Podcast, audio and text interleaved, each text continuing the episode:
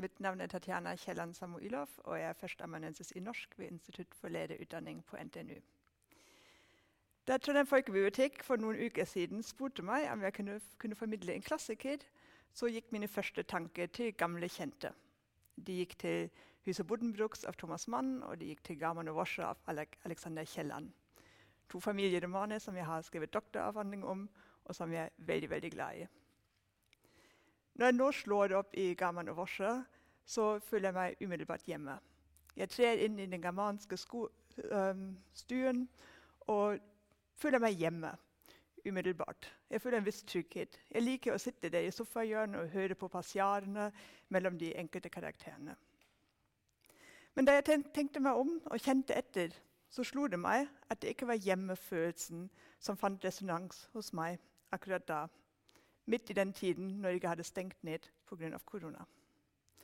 Nei, det var heller en følelse av å være fremmed i verden, en følelse av at verden var uvirkelig, og ikke minst en fornemmelse av frykt eller angst. En utrygghetsfølelse. Det var altså ikke kjelleren eller mannen som snakket til meg, men nei, den som talte til meg med stadig mer påtrengende styrke og banket på min indre bevissthet, det var, som man ser rundt meg her, Frans Kafka. En tysk, tsjekkisk, øh, jødisk forfatter som levde på begynnelsen av 1900-tallet. Ingen har maktet å gi uttrykk for det moderne menneskets angst og fremmedhet i verden som han. Han har til og med fått et adjektiv oppkalt etter seg kafkaesk. Dette begrepet um, knyttes ofte først og fremst til hans mest kjente roman, eller rettere sagt romanfragment 'Prosessen'. Prosessen forteller om Josef K., som på sin 30-årsdag arresteres og stilles for retten uten at han vet hva han har gjort, hvem som har anklaget ham, eller hvordan i all verden han skal forsvare seg. En eller annen må ha ført falsk vitnesbyrd mot Josef K., for en morgen ble han arrestert uten å ha gjort noe galt. Som den første setning fra prosessen lyder så berømt. Når vi står overfor et byråkrati som vi ikke forstår, som framstår som marerittaktig og labyrintisk, der vi aldri forstår hvor maktsentrumet ligger, da sier vi gjerne at det er kafkaesk. Men det kafkaeske er egentlig særlig knyttet til stemningen hos Kafka og til skrivestilen hans. Det er dette drømmeaktige eller dette marerittaktige i hans prosa som er, som er betegnet for det kafkaeske. Når vi leser Kafka, så kan vi ikke forvente at vi får en, et vanlig narrativ med en begynnelse, midte og en slutt. Vi kan ikke forutse handling heller. Det er ikke noe ordentlig plott i hans prosa som vanlig, vanligvis.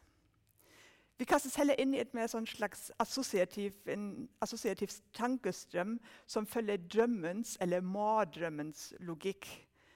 De assosiasjonene er altså heller ikke logiske. Alt kan skje og alt er bare veldig, veldig fryktinngytende. Når man leser um, faglitteratur om Kafka og biografier om ham, så er det veldig tydelig at han ikke var en av de forfatterne som satte seg ned og planla sine romaner eller fortellinger. Men at han var drevet av en slags trang etter å skrive. At han hadde et sånt enormt uttrykksbehov. Og både elskerinnene hans og, og venner uh, beskrev ofte at, beskrev ofte at, um, at han, skrev, han, skrev, på natta. Han var forsikringsbyråkrat. Han jobbet for et forsikringsbyrå på dagtid. Og så skrev han på natta nesten sånn, på nesten sånn manisk vis. Og det sies også at flere av hans fortellinger ble til i løpet av en eneste natt. Så det er en sånn slags tankestrøm som vi kastes inn i. Og Dette uttrykksbehovet og denne skrivestilen det gjør også hans prosa veldig personlig, og mange har lest Kafkas tekster i lys av hans biografi. Hans oppvekst med en autoritær og voldelig far, hans erfaringer med menneskelige lidelser fra byråkratlivet i et forsikringsselskap, hans opplevelser og, um, ja, og, og, refleksjoner om første verdenskrig, og siden den stigende antisemittismen i Tsjekkia, som etter hvert førte til at han emigrerte til Berlin mot slutten av sitt liv.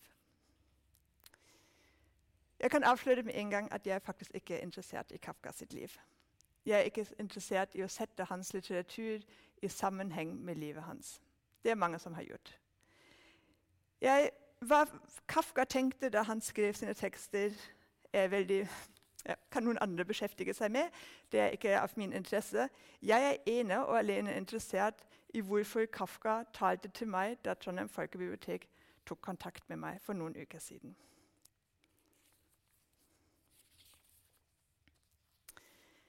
Det er heller ikke en av Kafkas mest kjente romaner eller fortellinger, sånn som 'Prosessen' eller 'Forvandlingen', hans mest kjente uh, fortelling, som jeg har tenkt å snakke om i dag. Nei, jeg har funnet fram et litt mer obskurt siste, et av de siste stykkene han skrev. Um, det er en fortelling som heter for 'Der Bau' på tysk, eller 'Hie' på norsk. Og jeg finner her i 'Hie' og andre fortellinger ligger også gratis ut på Nasjonalbiblioteket sine nettsider. Som sagt, en av Kafkas siste fortellinger den ble forfattet en gang mellom 1923 og 1924. Og den ble, fortellingen ble utgitt postumt i 1928 for første gang. Det er denne fortellingen som, skal, som hele dette foredraget skal kretse rundt, og jeg vil begynne med å lese begynnelsen. Hie. Jeg har selv bygd Hie, og det virker vellykket. Utenfra er det egentlig ingenting annet å se enn et stort hull. Dette fører imidlertid i virkeligheten ingensteds hen. Alt etter et par skritt støter man på naturlig fast berg. Jeg vil ikke rose meg av å ha utført denne listen med hensikt. Den er snarere resten av et av de mange forgjeves byggeforsøkene, men det forekommer som fordelaktig å la dette ene hullet være igjen. Mange list er riktignok så fin at den ødelegger seg selv. Dette vet jeg bedre enn noen annen, og det er visselig også dristig å la dette hullet henlede oppmerksomheten på at det her finnes noe som det er verdt å etterforske. Men den som tror at jeg er feig og bare av feighet har bygd hiet mitt, tar feil. Vel tusen skritt fra dette hullet ligger den egentlige inngangen til hiet, skjult under et lag mose som er til å løfte opp. Så hvem og hva har vi her? Jo, det er en monolog som er fremført av et dyr. Så det er en av mange av Kafkas dyrefortellinger. Vi får aldri vite hva slags dyr det er, men det er et dyr som lever under bakken, kanskje en grevling. Og det er dette dyrs tanke som vi forfølger. Det som framgår av dette utdraget, er at tankene til dyret er festet ved tida. Og vi kan godt si at um, Dyret er besatt av dette hier. Det er alt han tenker på. Og dyret er stolt over hier. Det kommer også frem her. Det virker godt. Hier er godt skjult under bakken. En falsk inngang forvirrer mulige inntrengere, mens en ekte inngang er gjemt under et lag med mose. Vi forstår fra begynnelsen av at hiers viktigste funksjon er å tilby sikkerhet fra ulike farer. Og I løpet av fortellingen så får vi et stadig, stadig klarere bilde av Fie. Det er et enormt underjordisk labyrint med et hovedrom der all proviant er lagret, den såkalte Borgplassen. Og Fra denne plassen så går det ti underjordiske ganger, som også uh, fører til ulike mindre rom. Stoltheten over Hie når vi leser videre i fortelling, virker velbegrunnet. Det er imponerende det dyret har fått til der. Og arbeidsinnsatsen må ha vært enormt. Han uh, skildrer bl.a. hvordan han bruker pannen for å glatte til uh, veggene i, i, uh, i, i dette underjordiske labyrintet. Så et imponerende byggverk. Men allerede fra starten av så innvarsles det også det som kommer til å prege denne fortellingen. Uansett hvor raffinert dyret er, og uansett hvor godt dyret planlegger, kan det ikke beskytte seg fra det som er uforutsett og tilfeldig. Det planlagte og det tilfeldige tematiseres gjennom hele fortellingen.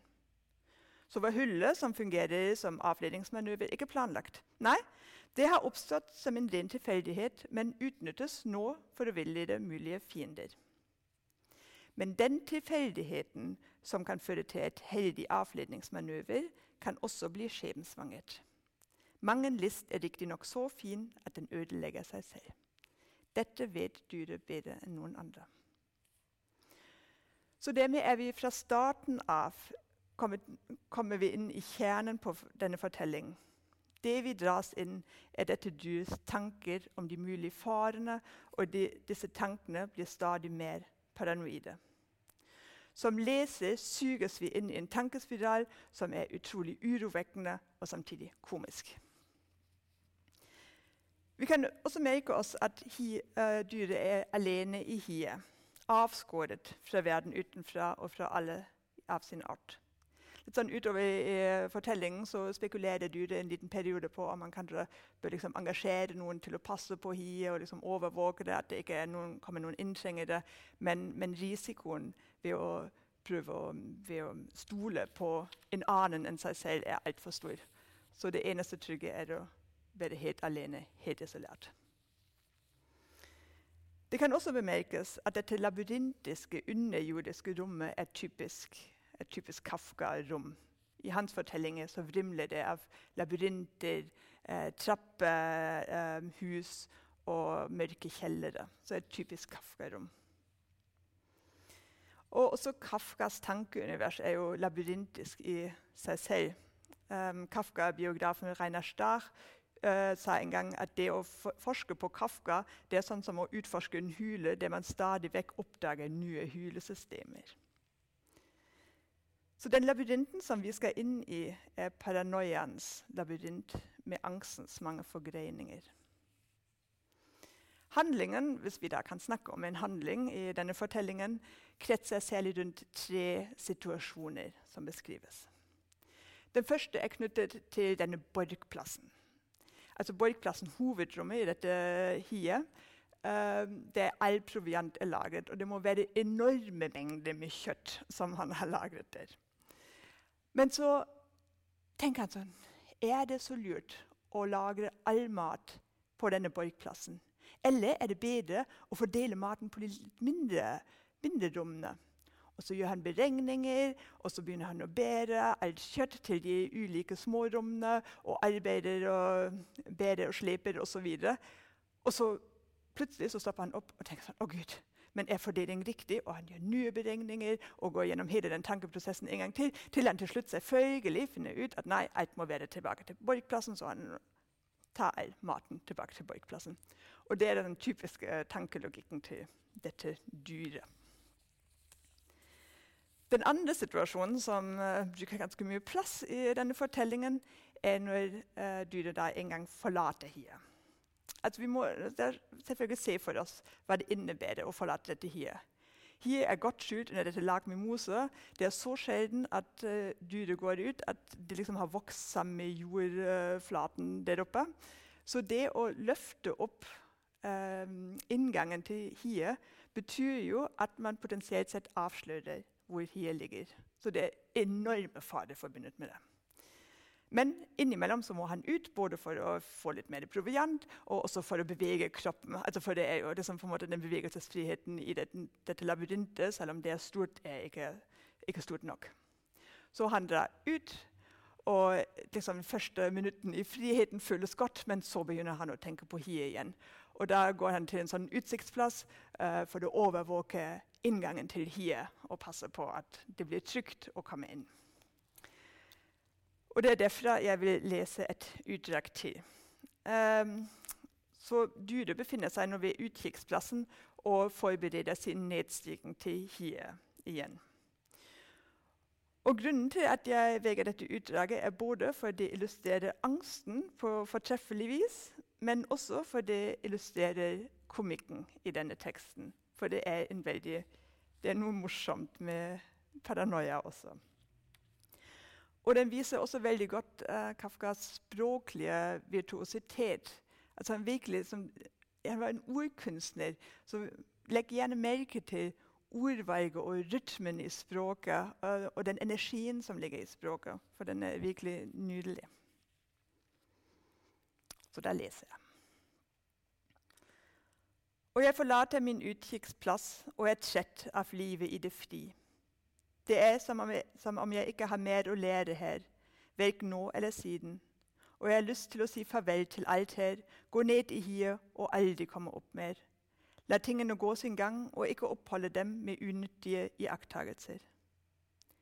Men nå er jeg vant til å vite hva som går for seg over inngangen, og derfor er det meg en plage å skulle gjennomføre den nærmest oppsiktsvekkende nedstigningen, og så ikke vite hva som foregår bak ryggen min over den lukkede falldøren. Jeg prøver meg fram i stormfulle netter ved å kaste byttet raskt ned, og det virker vellykket, men om det virkelig er vellykket, vil først vise seg når jeg selv er gått ned. Det vil vise seg, men jeg vil ikke få vite det. Eller rettere sagt, jeg vil få vite det, men for seint. Jeg lar derfor være å gå ned. Jeg graver, naturligvis i tilstrekkelig avstand fra den virkelige inngangen, en forsøksgrav. Den er ikke lenger enn meg selv og lukket med et moseteppe. Jeg kryper ned i graven, dekker den bak meg og venter omhyggelig. Regner ut kortere og lengre tidsrom til de forskjellige tider av døgnet, kaster derpå mosen til side, kommer fram og registrerer mine iakttagelser. Jeg gjør de forskjelligste erfaringer, både gode og dårlige. Men en alminnelig lov eller en ufeilbarlig metode for nedstigningen finner jeg ikke. Følgelig har jeg ennå ikke steget ned i den virkelige inngangen, og jeg er ute av meg fordi jeg snart likevel må gjøre det. Jeg er ikke langt fra å bestemme meg til å begi meg på vandring mot det fjerne, gjenoppta det gamle, trøstesløse liv som overhodet ikke bød på noen trygghet, men var en eneste uoverskuelig mengde av farer, hvorfra den enkelte faren ikke var så lett å skjelne og å bli skremt av som når jeg sammenligner med trygge hi med tilværelsen ellers. Riktignok ville en slik beslutning være fullstendig tåpelig. En følge av at jeg selv har levd altfor lenge i den sanseløse friheten. Fremdeles tilhører hiet meg. Jeg behøver bare å ta et skritt, og jeg er trygg. Og jeg river meg løs fra alle mine tvil, løper ved høylys dag rett mot døren for å løfte den opp, men jeg får meg likevel ikke til å gjøre det. Jeg løper forbi den og kaster meg med hensikt inn i en tårnebusk for å straffe meg, straffe meg for en skyld som jeg ikke kjenner. Men nå må jeg til syvende og sist innrømme for meg selv at jeg har rett. Det er virkelig umulig å gå ned i hiet uten å prisgi, i hvert fall for en kort stund, det dyreste jeg eier. Prisgi det for alle på marken, i trærne og i luften. Og faren er ikke innbilt, men i høyeste grad virkelig. Det behøver slett ikke å være noen egentlig fiende som jeg frister til å følge meg.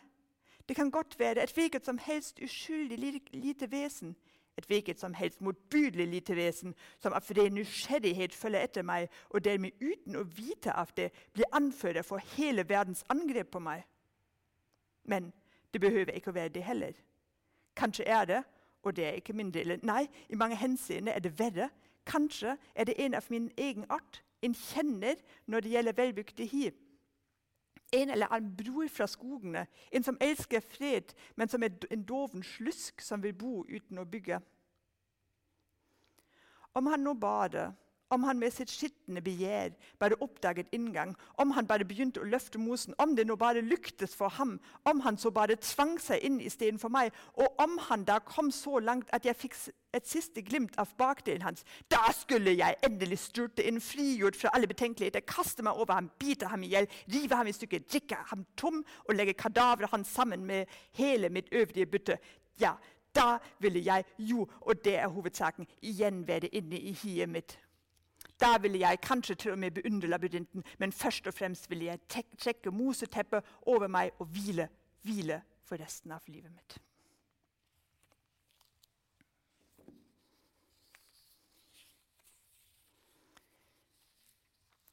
Vi må se det klart for oss. Det er en uhyre dramatikk i fortellingen. Og det er også en veldig visuell beskrivelse. Vi ser jo formelig for oss hvordan dyret kaster seg inn i tårnebuskene. Vi ser for oss hvordan han bygger dette, denne forsøksgraven og gjør sine, um, sine, forsøk for å planlegge nedstigningen. Men på handlingsplan så skjer det jo ingenting. Alt foregår inn i hodet hans. Det han ser for seg, er et mangfold av fader.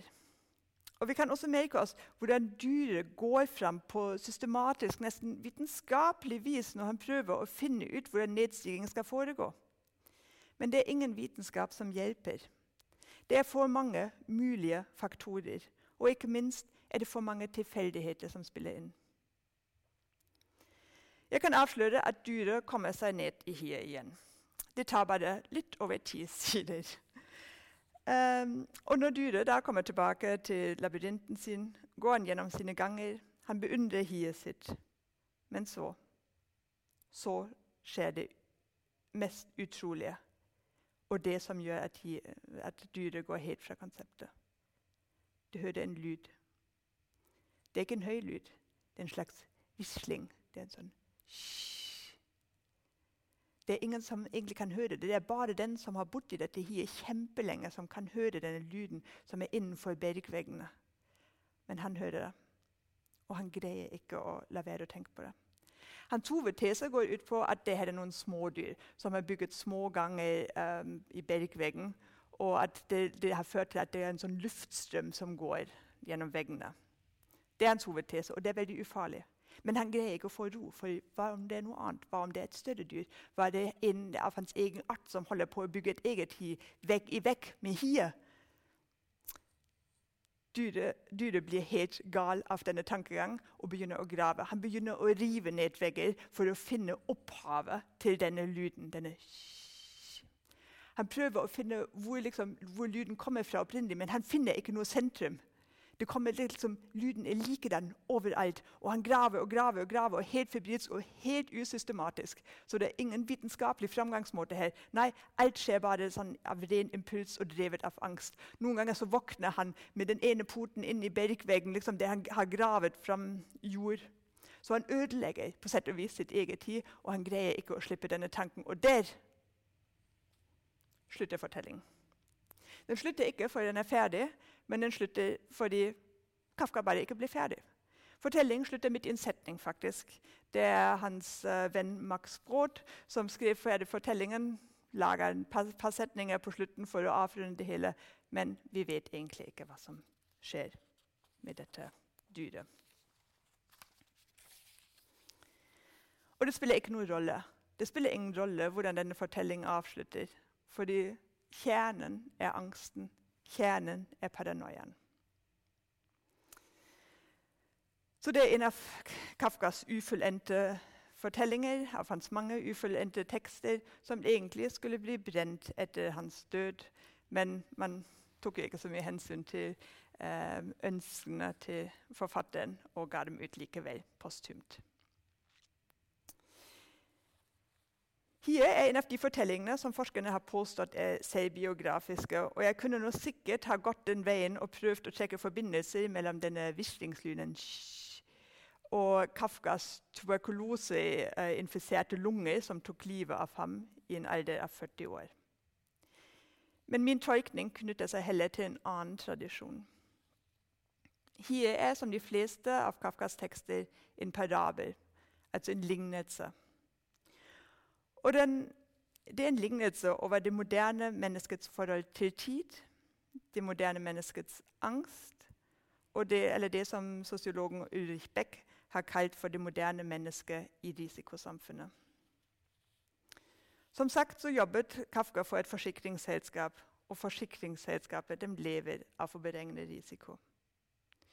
Prosjektet til Kafkas dyr er å eliminere all risikoen.